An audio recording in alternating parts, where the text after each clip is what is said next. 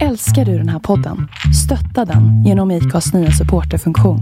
Det är helt upp till dig hur mycket du vill bidra med och det finns ingen bindningstid. Klicka på länken i poddbeskrivningen för att visa din uppskattning och stötta podden.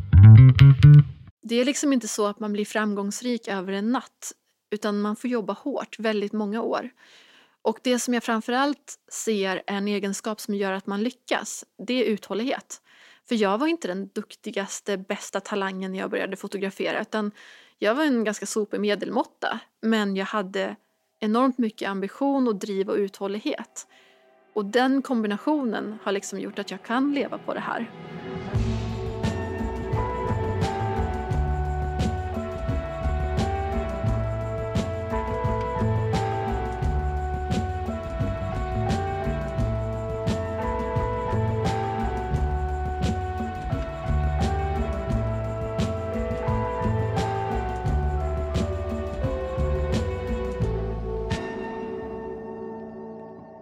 Hej! Du lyssnar på historien bakom historien, en podcast om storytelling. Jag heter Martin Sandin och är till vardags regissör och manusförfattare. Den här intervjuserien handlar om den kreativa processen bakom ett verk, en film, en bok eller ett budskap. Hur berättar vi historier som skapar känsla, som får lyssnare, läsare eller tittare att minnas och vilja berätta för andra om det vi skapat? Och spelar det någon roll om vi skapar för oss själva eller om målet är en kommersiell storsäljare? Vad är det som avgör, varför då och hur går det till? För varje nytt avsnitt lär jag mig nya saker. En ynnest, det hoppas jag att du också ska göra.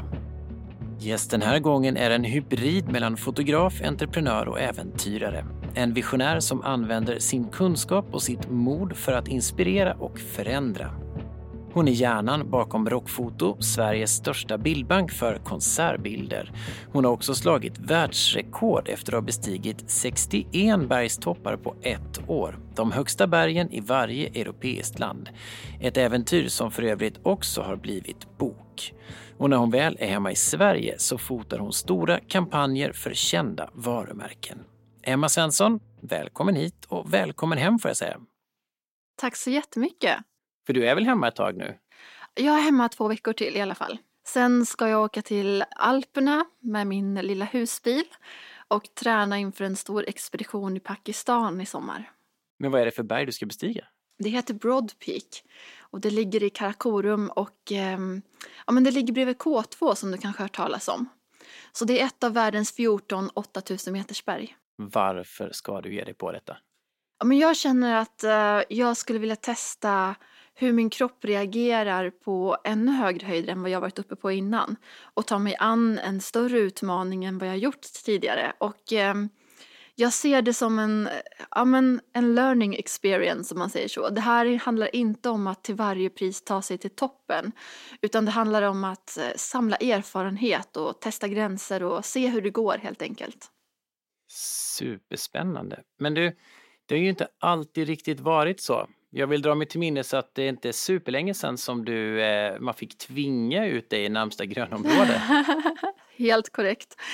Två gånger i mitt liv så har jag känt mig så här överväldigad av att det här måste jag hålla på med.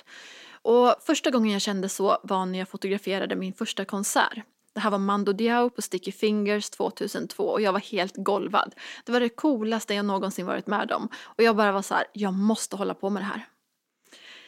Och eh, sen gick det ganska många år. Ungefär för fyra, fem år sedan satt jag på ett plan till Nya Zeeland och så såg jag filmen Everest och fick samma känsla i kroppen. Jag måste börja bestiga berg. Vilket också är helt crazy eftersom den enda bergsbestigningen jag hade gjort vid det tillfället var att släpa mig upp för Galdhöpiggen, Norges högsta berg. Och det var det vidrigaste jag någonsin varit med om. På riktigt, jag ringde min kille på vägen ner och grät för jag inte visste hur jag skulle komma ner. Um, så det var ju lite otippat att det där skulle hända. Men det här var liksom i en period i mitt liv när jag Ja men det fanns inte riktigt utrymme för att bestiga några berg och ge sig iväg på några äventyr utan jag skulle ju precis gifta mig. Men sen så blev jag dumpad sex veckor efter bröllopet. Um, och det var ju såklart inte jätteroligt men det var också en möjlighet att faktiskt börja bestiga berg. Så här med perspektiv nu när det har gått en tid, kan man ta i så mycket som att säga att det kan ha varit bland det bästa som har hänt i ditt liv att du faktiskt blev dumpad den där gången? Det kan man absolut göra. Um, verkligen faktiskt. Mm. Det känns ju som att, att vara en doer är en tillgång som, som är, är ovärderlig. Hur, hur hittar du balans mellan liksom att vara kreativ och att faktiskt genomföra? Ja, men jag har ju aldrig varit den där som har suttit och funderat utan jag får ju extremt mycket idéer, eh, väldigt spontant och jag bara kör. När jag bestämde mig för att göra det här projektet som du nämnde i början, det, den idén den fick ju jag två timmar efter att jag kom hem från att ha bestigit det högsta berget i Europa. Jag var lite rastlös och så kände jag så här, ja men vad ska jag göra nu då? Jag har bestigit det högsta eh, berget i Europa ja men jag kanske kan bestiga högsta berget i varje land i Europa, undrar om någon har gjort det. Så gjorde jag så här två timmars research, bara, vilka är de högsta bergen i varje land i Europa och hur svåra är de? Kan en rookie som jag ens göra det här? Och så tänkte jag, äh, jag försöker, det blir säkert bra. Och sen så liksom hade jag redan gjort en plan och åkte dagen efter. Um, så steget från idé till att genomföra någonting, det är inte så långt för mig. Jag har alltid varit väldigt orädd, tyckt om att prova nya saker. Men jag har heller inte varit feg för att liksom avbryta eller lägga ner om idén inte är bra. Men, men att, att åka själv till Albanien och liksom bli jagad av vilda djur för att bestiga ett berg och, och, och gå i bräschen för att demokratisera liksom, eh, konsertfotografering och, och, och, och bestiga berg som jag anar också är en smula mansdominerat kanske, eller i alla fall en miljö som är annorlunda. Vad, vad är din drivkraft? För det känns som att du har mycket mod inom dig.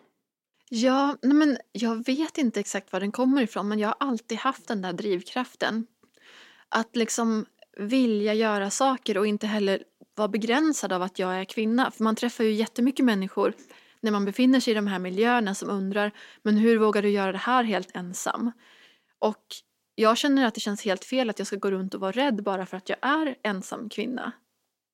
Men jag vill inte leva mitt liv och vara begränsad bara för att jag är tjej. Och jag vill också skapa förutsättningar för att fler kvinnor ska få känna så.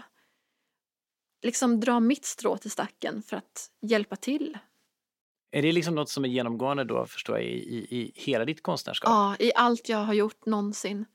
Det och att det måste komma från hjärtat. Det måste vara någonting som jag har passion för att göra. För att det är liksom inte så att man blir framgångsrik över en natt utan man får jobba hårt väldigt många år. Och jag har ju också undervisat och coachat mycket i fotograferande genom tiderna. Och det som jag framförallt ser är en egenskap som gör att man lyckas, det är uthållighet. För jag var inte den duktigaste, bästa talangen när jag började fotografera utan jag var en ganska sopig medelmåtta. Men jag hade enormt mycket ambition och driv och uthållighet. Och den kombinationen har liksom gjort att jag kan leva på det här. Eh, vad var det som då en gång startade intresset för fotografi och, och hade du något givet mål då eller var det bara liksom en hobby som växte? Jag var 11 år gammal och hittade en filmkamera i mina föräldrars garderob hemma i den här lilla hålan i Dalsland där jag växte upp. Och så tänkte jag, det här var ju en kul leksak. Och så började jag göra musikvideor varje dag efter skolan. Stylade mina systrar som Spice Girls och Backstreet Boys och The Prodigy och så. Ja men jag var ju liksom regissör och producent och klippte och scenograf och stylist. Jag hade alla roller utom att stå framför kameran. Och jag ville ju jobba med film. Så därför så läste jag media på gymnasiet. Men jag kom ju från en liten håla och jag hade ju noll kontakt med mediebranschen. Vi hade liksom en lokaltidning som hette TT Ela där jag bodde. Så att jag visste ju liksom inte riktigt hur går man vidare och använder den här kunskapen i verkligheten. Och tyvärr så ville väl våra lärare vara lite sympatiska och skydda oss också mot verkligheten så de sa ju till oss på gymnasiet att men det är ju ingen idé att bli någonting inom media, det här går man ju bara för att man är skoltrött och för att man tycker det är lite kul och det finns inga jobb, man tjänar inga pengar, det är för tuff konkurrens, nej nej nej, det här ska man inte hålla på med. Och jag visste ju inte bättre så jag trodde ju på det här. Så efter gymnasiet så jobbade jag på McDonalds och gjorde karriär genom att slå rekord i att sälja flest ham hamburgare på en timme och sådana saker. Eh, tills den här dagen då när jag tog med kameran till en spelning med Mando Diao och eh, blev helt så här golvad och bara så här, jag måste hålla på med det här. Men, men du var där privat då och så hade du med dig kameran? Ja, precis, exakt. Jag visste ju ingenting hur saker fungerade med fotopass och sådana saker liksom. Det var ju en helt annan värld. Men, men berätta, vad hände? Fick du bara sån här, fick du en haj då och bara mosade dig fram längst fram för att ta en bild? Alltså gick du in i rollen? Hade du en roll då? Ja, men jag hade ju ställt mig längst fram. Um, jag var ju dels ett fan av bandet så jag ville ju stå lång, längst fram. Men sen så var det också att jag tänkte strategiskt att här måste man ju få bäst bilder. Men sen så blev det som att jag gick in i att vara fotograf så mycket på den här konserten att jag glömde bort att vara ett fan. Jag sprang ju bara runt på massa olika platser och klättrade upp på balkongen och sådär för att få olika vinklar och fotografera. Och sen var det ju någon som såg mig som jobbade på Bohuslänningen som var där och skulle göra en recension av den här konserten så han gick ju fram till mig efteråt och bara Vem har du fotat för? Och jag bara Nej, ingen speciell. Och så sa han att ja, men jag kanske kan ta dina filmrullar. För det här var ju på den analoga tiden. Så jag gav honom två filmrullar och sen så dagen efter så var det en bild i tidningen som jag hade tagit. Så det var ju en fantastisk start på, på karriären. Om man står där på den där sidan tröskeln där man tänker att äh, det blir inget bra, det kommer nog inte gå och, och hur ska jag kunna göra det här? Och, och, men de är så mycket bättre. Mm. Hur, hur, vad har du för råd då? Men det är lite det här som jag eh, nästan kommunicerar hela tiden. Att du måste inte vara bäst i världen på att göra någonting. För jag försöker verkligen kommunicera i allt jag gör att jag är inte bäst på det här. Jag vet knappt hur man gör. Jag är ganska kass på det här. Just nu är jag i en process där jag håller på att lära mig det här. Och jag visar mina misslyckanden, jag visar också mina tankar, min osäkerhet, liksom, kommer jag ens klara det här? För vissa dagar så, så känner jag så liksom, att jag kan lika gärna lägga ner för jag kommer ju aldrig klara det här. Jag kommer ju aldrig bli så bra på att klättra att jag kan bli guide. Det är ju helt vansinnigt att jag ens försöker. Men så tänker jag lite grann, men Emma, de du jämför dig med, det är de som faktiskt är bäst i världen på det här och det är inte rimligt liksom. Så man måste ha lite perspektiv, men det måste också finnas förebilder som kanske inte är de som bara är bäst i världen också. Ehm, det tror jag underlättar enormt mycket. Om vi hoppar tillbaks där till, till, till bilderna. Du, du plåtar ju också reklam eh, och du har plåtat mycket eh, konsertbilder. Vad är en bra bild? Många tycker att en bra bild är en bild som överraskar dig. Som inte liksom är det här självklara, någonting man har sett förut. Och det har gjorts forskning på det här faktiskt. Att för att en bild ska kännas wow så ska den presentera exakt rätt mängd nyheter. Och det där är ju lite olika beroende på vem det är som tittar på bilden. För det är alltid upp till betraktaren att skapa sin egen bildupplevelse. Och beroende på hur erfaren och tränad du är i att titta på bild så kommer ju det här mängden nyheter i en bild för att du ska känna wow variera. Min mamma som inte är så speciellt intresserad av att titta på bilder hon tycker ju att en bild som är lite konstnärligt tagen, som är lite oskarp och sådär, den är ju skit. Den är, liksom, den är ju inte som den ska vara. Den är ju inte skarp, den visar ju inte någonting, den föreställer inget. Medan någon som, som är väldigt intresserad av foto kanske tycker att det där är ju helt fantastiskt, det där fotografiet fotografiet. Själv så tycker jag om bilder som nästan är som sagor som berättar historier. I alla fall om vi pratar om så här ja, men modefoto och kommersiella bilder. Tim Walker är en av mina favoritfotografer. Han fotograferar så. En av mina största och första idoler var ju Annie Leibovitz. Hon är ju också lite åt det där hållet liksom. Men sen så älskar jag också bilder som påverkar, som har en tanke bakom, som har en story som vill säga någonting, som vill berätta något, som liksom ja men kanske är lite mer öppna i tolkningen som inte är liksom gjorda för att man ska vara påverkad och tänka och tycka precis det där utan man får själv fantisera lite grann, man får själv ta in sin egen erfarenhet i bildupplevelsen för att bilda sin egen uppfattning. Men, men ta oss igenom en, en bild som du verkligen tycker om och berätta varför och, och hur komposition och innehåll, hur, hur det ser ut. Men jag skulle säga att jag gillar bilder som inte är för simpla det ska finnas någon komplexitet i dem, det vill säga många blickfång, många detaljer. Um, en fotograf som fotograferar så är ju Steven Shore. Um, det liksom finns här tusentals pusselbitar i hans bilder att lösa. Samtidigt så när man sitter och scrollar på Instagram så är ju sådana bilder väldigt svåra för att du lägger ju inte den tiden utan de bilderna gör ju sig bäst kanske på väggen hemma eller på en utställning där du verkligen har tid och kan gå och titta på bilder. Vad tycker du att en bild måste berätta? Alltså, Jag tycker att en bild måste ändå ge dig något. För att du tar ju dig tid att stanna upp och titta på bilden. Så någon form av upplevelse behöver du få. Men sen måste inte det alltid vara någonting positivt. Du kan bli förbannad när du ser en bild. Du ska känna något. Det tror jag är viktigt. Någon slags liksom känsla måste uppstå. Inte bara den här axelryckningen där man sorterar bort bilden som något man har sett förut eller det här är totalt ointressant utan du kan bli provocerad, du kan fyllas av glädje, du kan bara så här känna en stunds njutning för att du tycker att bilden är fantastiskt vacker att titta på. Men jag tror det är viktigt att man känner något. Och sen exakt vad det är, det kommer handla helt och hållet om vem det är som tittar på bilden och i vilket sammanhang tror jag. Inte vad fotografen ville säga med bilden. För det är alltid upp till betraktaren att göra sin egen tolkning. Men du, vad, vad, har, eh, vad har du för ansvar för bilder du tar, tycker du själv?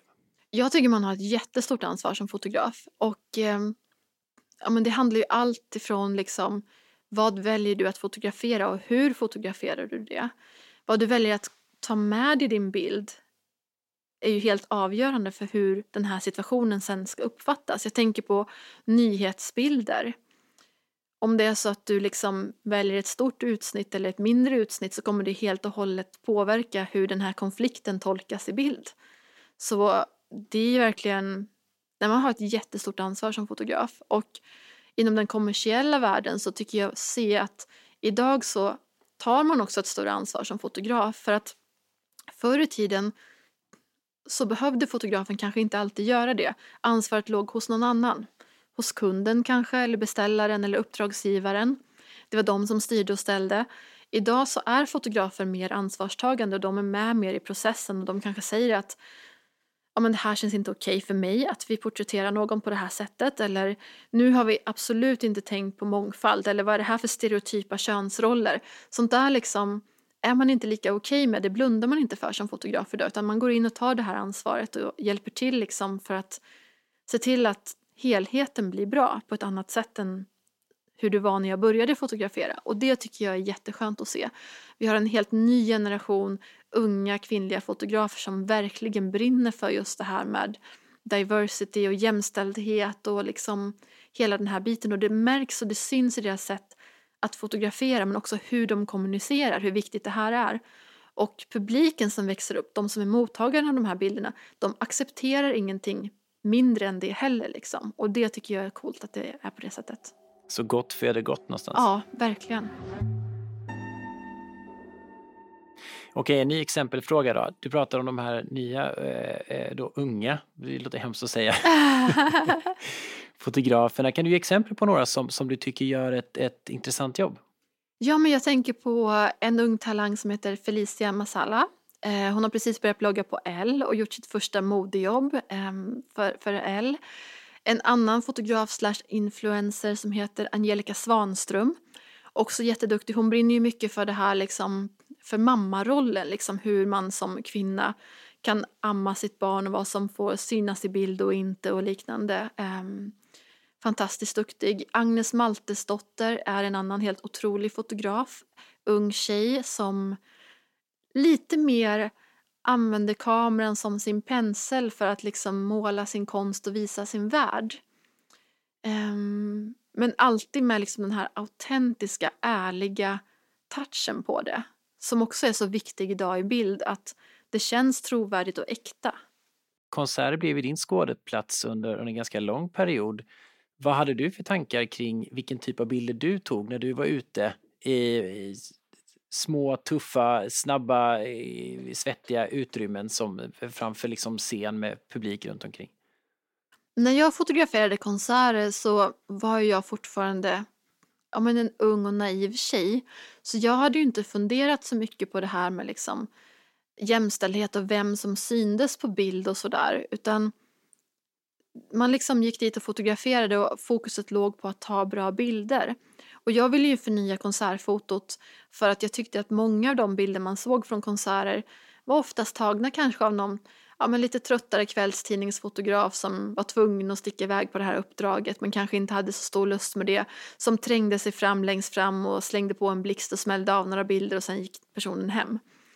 Jag ville ju ta bilder där det syndes att man hade passion för det man höll på med. Och sen så Eftersom när jag började fotografera så kunde jag ju inte speciellt mycket om foto heller. Så jag hängde mycket på så här internetsidor som fotosidan.se för att liksom lära mig hantverket. Och där var det ju också mycket det här liksom att man blev skolad i att en bild ska vara skarp och den ska ha korrekt vitbalans och inga utfrätta vita partier och inte igensotade mörka partier heller. Så jag blev ju väldigt fokuserad på den här biten. Men sen var det som att längs med vägen att man utvecklades som fotograf och människa och man liksom kanske lämnade småstaden och flyttade till en större stad och fick mer perspektiv på alla sätt i livet så blev det också viktigare det här med liksom vem är det som syns på bild? Och där hade jag ju någon så här regel för mig själv att om jag gör en utställning med konsertbilder, ja men då ska i alla fall hälften av bilderna vara på kvinnor också. De ska inte vara inkvoterade för att det var lite så här halvtaskiga bilder utan det ska vara riktigt bra bilder också. Berätta om en, en bild du tog och ett tillfälle eh, där, där bilden blev något som du är väldigt stolt över idag. Men jag skulle säga att um, jag har en favoritbild som är från en konsert i Tyskland med ett band som heter The International Noise Conspiracy. Och sångaren i det bandet, Dennis Lyxzén, är ju skitkul att fotografera. Han är ju helt fantastisk. På den här konserten så, de har precis liksom spelat klart sista låten och jag börjar packa ner min kamera. Så ser jag hur gitarristen tar av sig gitarren och ställer sig och liksom måttar som att han tänker kasta upp den i luften. Så jag bara sliter upp kameran och får på on och liksom komponerar bilden och får in skärpan i samma sekund som gitarren flyger upp i luften och står som högst upp liksom. Och den bilden är jag väldigt stolt över. Att jag liksom hann ta den bilden, för det är en sån där unik bild som kanske inte alla har fotograferat. Så som den här singer-songwritern som sitter på en stol och spelar sin gitarr som man har tagit tusen gånger. Ja, men jag har sett den bilden. Den är ju helt magisk. Men jag, jag, förstår inte riktigt hur du lyckades få med alltihop. För det känns som att det är två bilder som är ihopsatt i en. För han kastar ju upp den så högt i luften. Han kastar den jättehögt upp i luften. Men jag står ju också ute i publiken när jag tar den här bilden. Jag står inte i fotodiket utan jag står lite längre bort. Och det är det som gör att jag liksom kan få med hela scenen. Som du säger, att det, det är en unik bild på det sättet att det är ju ett ögonblicksverk. Och, och det tycker jag är intressant också för att eh, jag eh, kan ju inte ta bilder speciellt eh, bra eh, sådär. Men, men det, det här att hitta det här ögonblicket, att vara med exakt i det där mm. ögonblicket, både om du bara går omkring men också på sätt. Hur tänker du kring det? Det gäller ju att fånga händelsen när den står på sin spets. Annars så blir inte bilden intressant. Och för att kunna göra det, då måste du dels ha lite kunskap och kännedom om vad det är du fotograferar. För det är ju samma sak om jag fotograferar klättring eller sport eller action på något sätt. Så det, har, men det hjälper att kunna fotboll om man ska liksom fotografera fotboll. För då kan man också lite grann förutse hur rör sig folk, vad kommer förmodligen hända för något och så. För man ska ju vara ständigt beredd. Det är så man får den här bilden. Du får den inte om du har kameran nerpackad i din ryggsäck och liksom går runt på stan och så ser du någonting. Då är ögonblicket förbi innan du ens haft en chans. Så jag har ju alltid kameran på axeln när jag är ute i bergen och klättrar och är på äventyr för att annars vet jag att då blir det inga bilder. Du måste liksom ha kameran lättillgängligt och vara ständigt redo. Och framförallt när man fotar en konsert, det är ju så begränsad tid. Ofta när man fotar så har man tre låtar på sig, de tre första låtarna, när man får lov att fotografera. Och då får man stå i fotodiket och sen blir man liksom utslängd från lokalen. Så under den här kvarten eller vad det nu kan ta medan de här tre låtarna pågår, du är ju så fokuserad och så redo. Och du har liksom adrenalinpåslag för att du bara så här, nu jäklar ska jag ta en asgrym bild tänker du. Och sen handlar det om att bara hänga med, vad händer? Och liksom lite grann som sagt förutse, stå bra placerad, alla inställningar redo så att du bara kan liksom trycka av när det väl händer.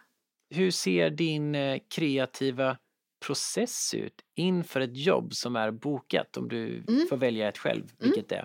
det är? Um, nej men jag kan prata om ett stort jobb jag precis avslutat faktiskt. Um, det är ett av världens största blixttillverkare, Profoto fantastiskt företag. Eh, jag är själv kund sedan jättemånga år tillbaka och fick ett drömuppdrag för dem egentligen. Att ta fram en workshop i fotografi och att fota en kampanj. Och sen så skickade de över ett moodboard och en brief till mig. För det är ju så det oftast går till eh, nu för tiden att ehm, ja, men kunden har en idé och eh, delar med sig av den i form av en visuell brief de har gjort. Så där såg det inte riktigt ut förr i tiden. Då var det mer så här, ah, vi behöver ta några nya pressbilder på The Ark. Och så skulle man själv hitta på vad det innebar liksom. Eh, men nu är det väldigt specificerat och detaljerat och sådär. Eh, det enda var att när jag fick den här briefen så kände jag bara nej, det här känns inte jättespännande. För att jag hade väl lite grann fått en annan idé i huvudet och sen så var deras brief också en klassisk brief för det här företaget, det vill säga det såg ut som det alltid hade gjort. Och det är jättebra om man vill nå precis samma målgrupp som man alltid haft. Men det ville de ju inte i det här fallet, de ville ju nå en annan målgrupp och då kände jag bara så här att nej men de vi vill nå fotograferar inte på det här sättet, vi måste göra någonting annorlunda. Så då satte jag mig och satte ihop en egen pitch som jag skickade in till dem. Och så, så sa jag ärligt till dem att så här, jag är ledsen men jag tycker att er idé inte känns jättespännande. Det här vill jag göra istället. Och de blev faktiskt jätteglada, vilket jag är otroligt tacksam över. Och de var så här, vi älskar din idé, det är klart du ska göra det här istället, det känns jättekul. Vad roligt att du sa till oss att vi liksom, ja, ja men, gjorde samma som vi alltid hade gjort och att du hade en annan idé. Um, så, så den har jag precis avslutat då och det var ett ganska omfattande projekt så att det handlar ju om allt från att då, ja, men, skapa moodboards och olika scener för vilka bilder vi skulle ta till att sen faktiskt då se till att det går att genomföra, det vill säga scouta locations, boka modeller, planera ljussättning och resor och hela teamet och vi fotograferade mycket på location och då skulle man helst ha bra väder också och sådana där saker ska falla på plats. Så just nu är vi i processen att de har gjort bildurval och jag håller på med retuschen på bilderna. Så det är snart avklarat. Så ungefär så ser en process ut idag om man har ett uppdrag. Men hur mycket vill du vara en del av helheten och hur mycket vill du faktiskt bara koncentrera dig på att ta bilder? Jag har ju alltid varit en ganska stor del av helheten. Jag har ju liksom till och med startat ett produktionsbolag och drivit det för att jag tycker jättemycket om själva liksom allt det här runt omkring att bara vara kreativ och ta bilden också. Jag har alltid tyckt om hela processen och framförallt den här biten som handlar om att hur man arbetar som fotograf och hur branschen funkar och hur man liksom ja, men lyckas som fotograf. Det, det är liksom Ja, men jag har alltid varit väldigt fascinerad över den biten och nyfiken på det. Hur, hur ser man att en bild är tagen av Emma Svensson? Ja, ett råd man får när man börjar fotografera det är ju alltid så här, du måste nischa dig så att man kan se att Ja, men så att man kan sälja dig som den här fotografen, säger agenturen. Eller ja, men så att man vet redan innan man ser bylinen att det här är en bild tagen av den här personen. Och riktigt så är det inte med mig, för jag är en otroligt bred fotograf. Så jag gör ju precis så som man inte ska göra egentligen.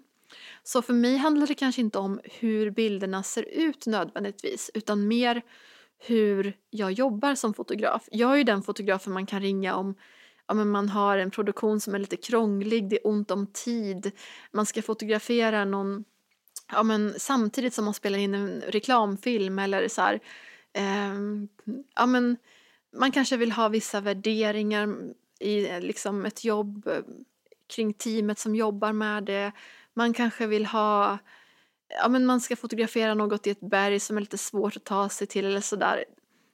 Då skulle jag säga att det är där min styrka kommer in som fotograf, inte själva slutresultatet kanske, för jag kan fotografera i väldigt många olika stilar. Jag har en ganska bred palett liksom som fotograf, ehm, så det handlar nog mer om hur man fotograferar och vem jag är som fotograf istället för hur resultatet ser ut. För det där är ju spännande. Eh, det blir det du säger med att vara unik och kunna sälja så att det är ju lite att bli ett varumärke. Mm. Eh, och du har ju, är ju ett varumärke i rätt stor utsträckning eh, och har varit under en tid. Hur ser du på din egen historia och att berätta den publikt? Men jag känner så här att det behövs att folk pratar om saker som kanske är jobbiga, som är tabu. Och jag har alltid gjort det. Och jag har aldrig varit rädd för att göra det heller. Ja, men som det här med jämställdhet i fotobranschen. När jag slog igenom och började prata om det jag fick ju liksom långa hattrådar i sociala medier och jag blev till och med trakasserad via telefon av folk som liksom ringde och sa otrevliga saker och flåsade i luren och sådana grejer. Alltså, man blev väldigt starkt bemött.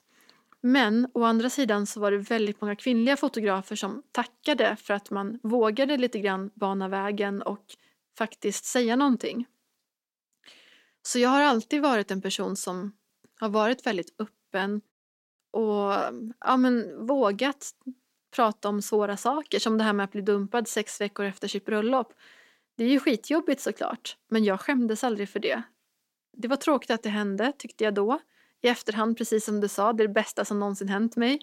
Men det är liksom någonting som kanske är lite tabu att prata om. Och då måste det bli jättejobbigt för att jag vill inte att saker ska vara jobbiga utan jag vill liksom hjälpa till att öppna dörrar, jag vill göra, underlätta för andra liksom.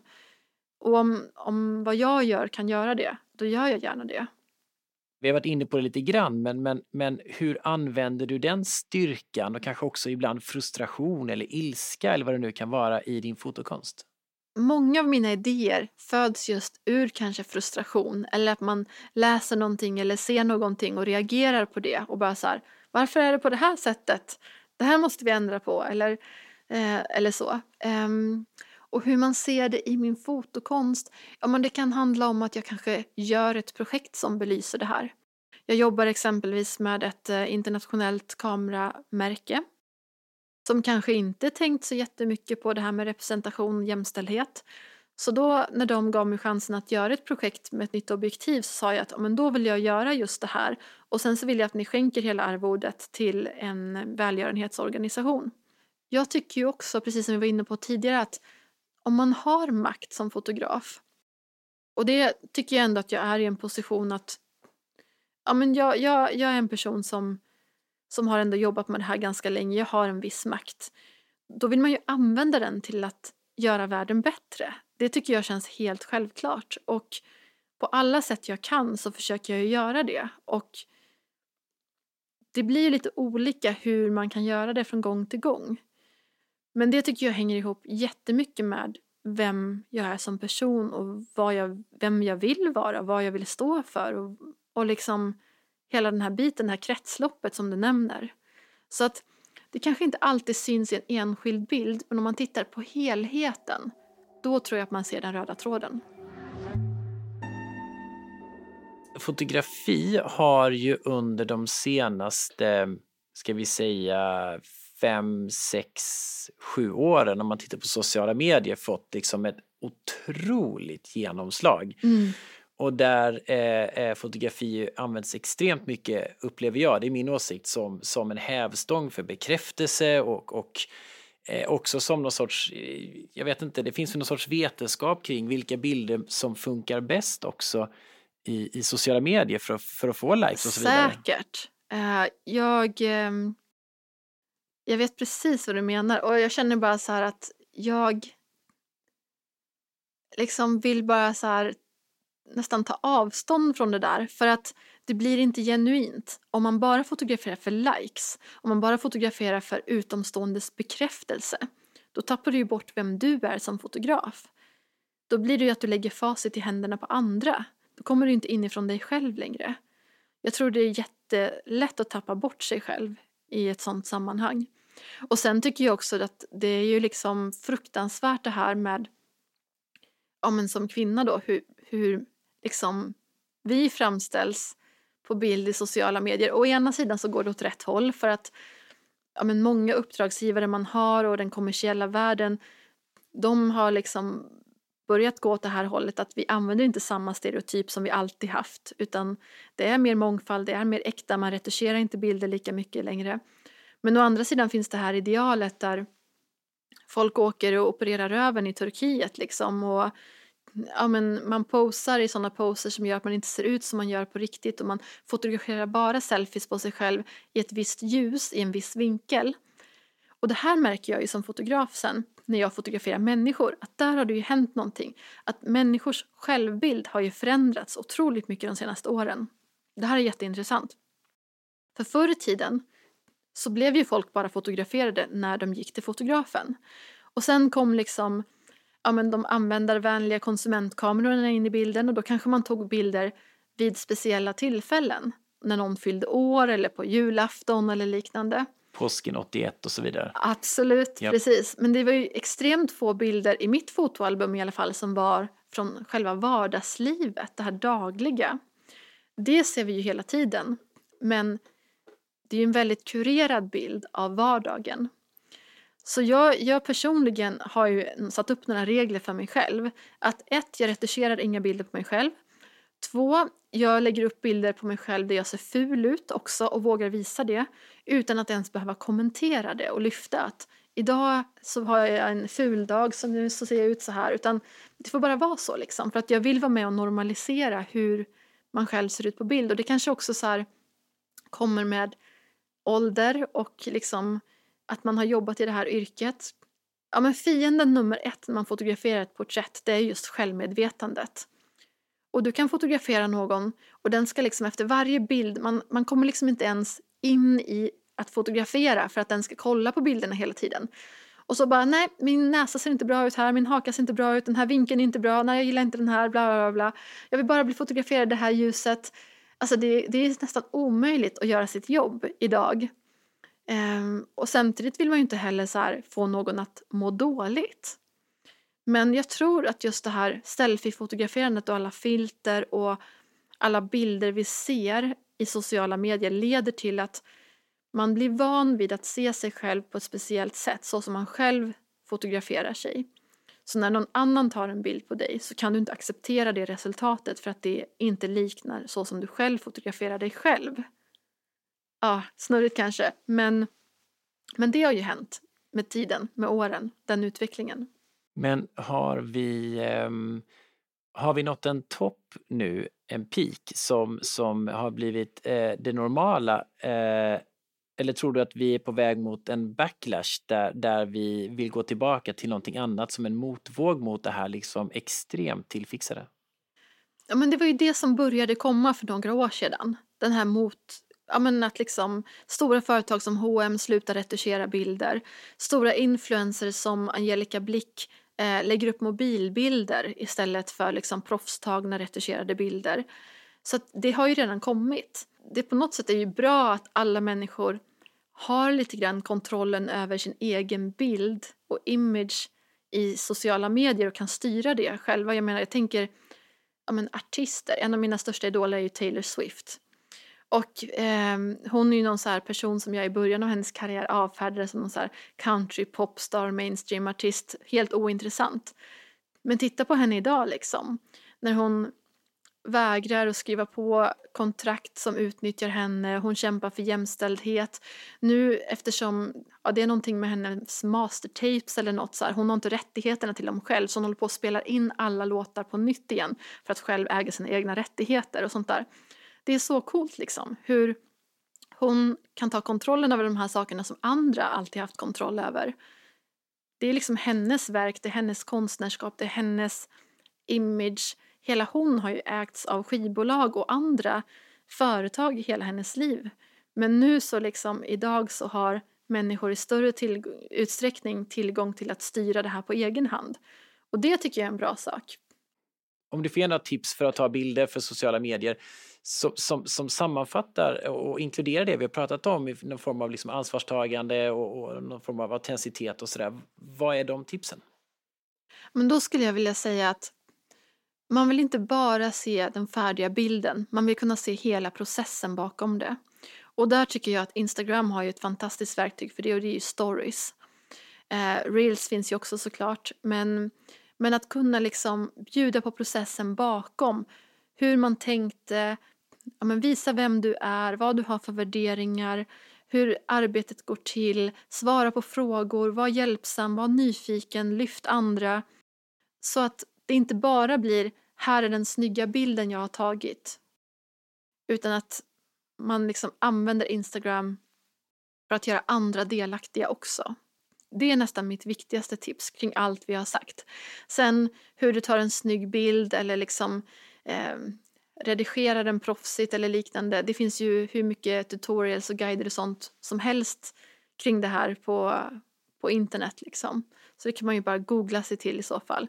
Där tycker jag det viktigaste är att man är ute och tränar och att man fotograferar mycket och att man att liksom hantverket sitter i ryggraden så när, när man väl ska skapa någonting oavsett om man skapar bild eller fångar bild, ögonblick som bara finns runt omkring oss så, så kan man göra det utan att vara begränsad. Sen tycker jag att vision är jätteviktigt också. Att man har en idé på vad är det för någonting jag vill skapa, vad är det jag vill säga, vad står jag för, vad vill jag förmedla i den här bilden. Och sen så är det ju rätt nice om man har en Instagram där det finns lite grann en röd tråd, där det håller ihop lite så det inte spretar för mycket. Så jag har ju exempelvis på min Instagram nästan bara bilder från mina äventyr. Fast jag försörjer mig på att vara en kommersiell fotograf som plåtar mode och reklam och lifestyle. Men det syns kanske inte så jättemycket när man tittar på min Instagram. För det har jag en annan kanal där jag kommunicerar den biten. Och det är min portfolio och hemsida. För jag vill att de som följer mig på Instagram de ska göra det för att de är intresserade, inte bara av mina bilder utan också hela mitt liv och vem jag är och vad de får av att följa mig. Den kunskapen och inspirationen som jag kan ge dem. Och för den som kanske inte har hittat den där identiteten, hittat den där visionen, utan famlar lite i mörkret och kanske tänker så här, är det som jag tycker och tänker bra, är det viktigt? Vad, vad har du för tips till den personen? Jag har aldrig varit så där lost, så det är svårt att sätta sig in i hur den känslan är faktiskt, måste jag vara ärlig och säga. Och det kanske låter jättedrygt. Um, men för mig har det alltid varit så självklart. För att jag har alltid följt mitt hjärta. Och jag tror det är där man måste börja titta. Att man inte gör saker för att det förväntas av en, att man inte gör saker av grupptryck utan att man gör saker som kommer inifrån en själv. Då tror jag att oavsett vad man än gör så kommer man lyckas. Sen kanske det tar lite längre tid, man kanske behöver leta och söka lite längre. Men i så fall tycker jag, ge dig själv den tiden. Bli inte stressad av allt runt omkring, liksom och någon press, någon yttre press, utan bara följ ditt hjärta. Och där tycker jag också en bra sak kan vara att bryta sin vardag lite grann. När man är i Stockholm, som jag är när jag bor här, så är det ju tusentals intryck hela tiden. Och hjärnan får aldrig vila. Och det är jättekul att bli matad kreativt konstant. Men det är när jag vandrar in till ett basecamp i en veckas tid utan internet, utan musik i öronen liksom från hörlurar, utan att ha andra människor att prata med. Det är då, när min hjärna får vila, som jag blir som allra mest kreativ faktiskt. Så när jag är framme på basecamp då har jag 20 nya idéer som har uppstått på grund av att jag har tvingats att ha ganska tråkigt i flera dagars tid och inte ta in alla de här intrycken som jag alltid är van vid att ta in. Så att, ja men bryt liksom hur ditt liv ser ut och gör någonting helt annorlunda för en stund för att få nya perspektiv. Det kan hjälpa tror jag. Så det handlar alltså om att bryta med det digitala? Exakt, för då får man tid att processa alla de här intrycken. För att annars så liksom håller det ju bara på i en oändlighet. Så det tror jag är bra, att bara få stanna upp och våga ta den tiden. Det räcker inte med en dag, du behöver ha flera dagar i rad. Typ när jag kör ner till Alperna med min van, då är också en så här perfekt tillfälle att det är skittråkigt, du bara kör längs autobahn i flera timmar om dagen. Och det händer inget intressant överhuvudtaget. Men du vilar liksom hjärnan från ditt vanliga liv och när du kommer fram så, så här, tre, fyra nya bra idéer. Um, så det gäller liksom att våga ta sig den tiden. Att inte tro att det är en quick fix som kan hjälpa här, utan att det får ta tid. Så oerhört spännande att, att, att prata med dig och, och höra liksom din historia. Eh, och du pratar, du sa innan att, att att det kanske var lite drygt att säga att, att du alltid har känt på ett visst sätt. Men du sa ju också svaret på det, att följa, att följa sitt hjärta och att följa det som man faktiskt är övertygad om själv. Och det tycker jag någonstans, nu ska inte jag summera för dig, men, men, men att det känns väldigt centralt.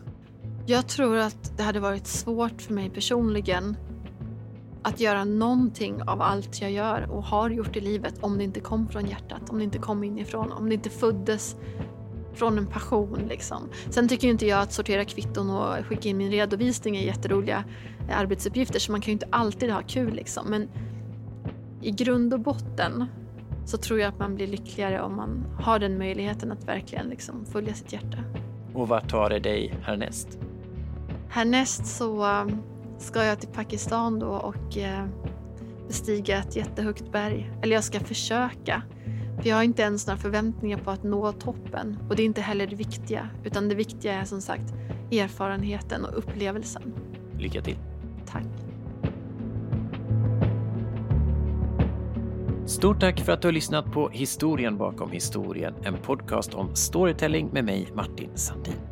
Vi skulle uppskatta väldigt mycket om du delar och sprider ordet om den här serien. Det är genom att du lyssnar som vi kan fortsätta prata storytelling med spännande gäster. Programmet är producerat av Open Shop. Besök oss på openshopfilm.com. Tills nästa gång, må väl, skriv ner dina tankar och fortsätt göra världen lite bättre.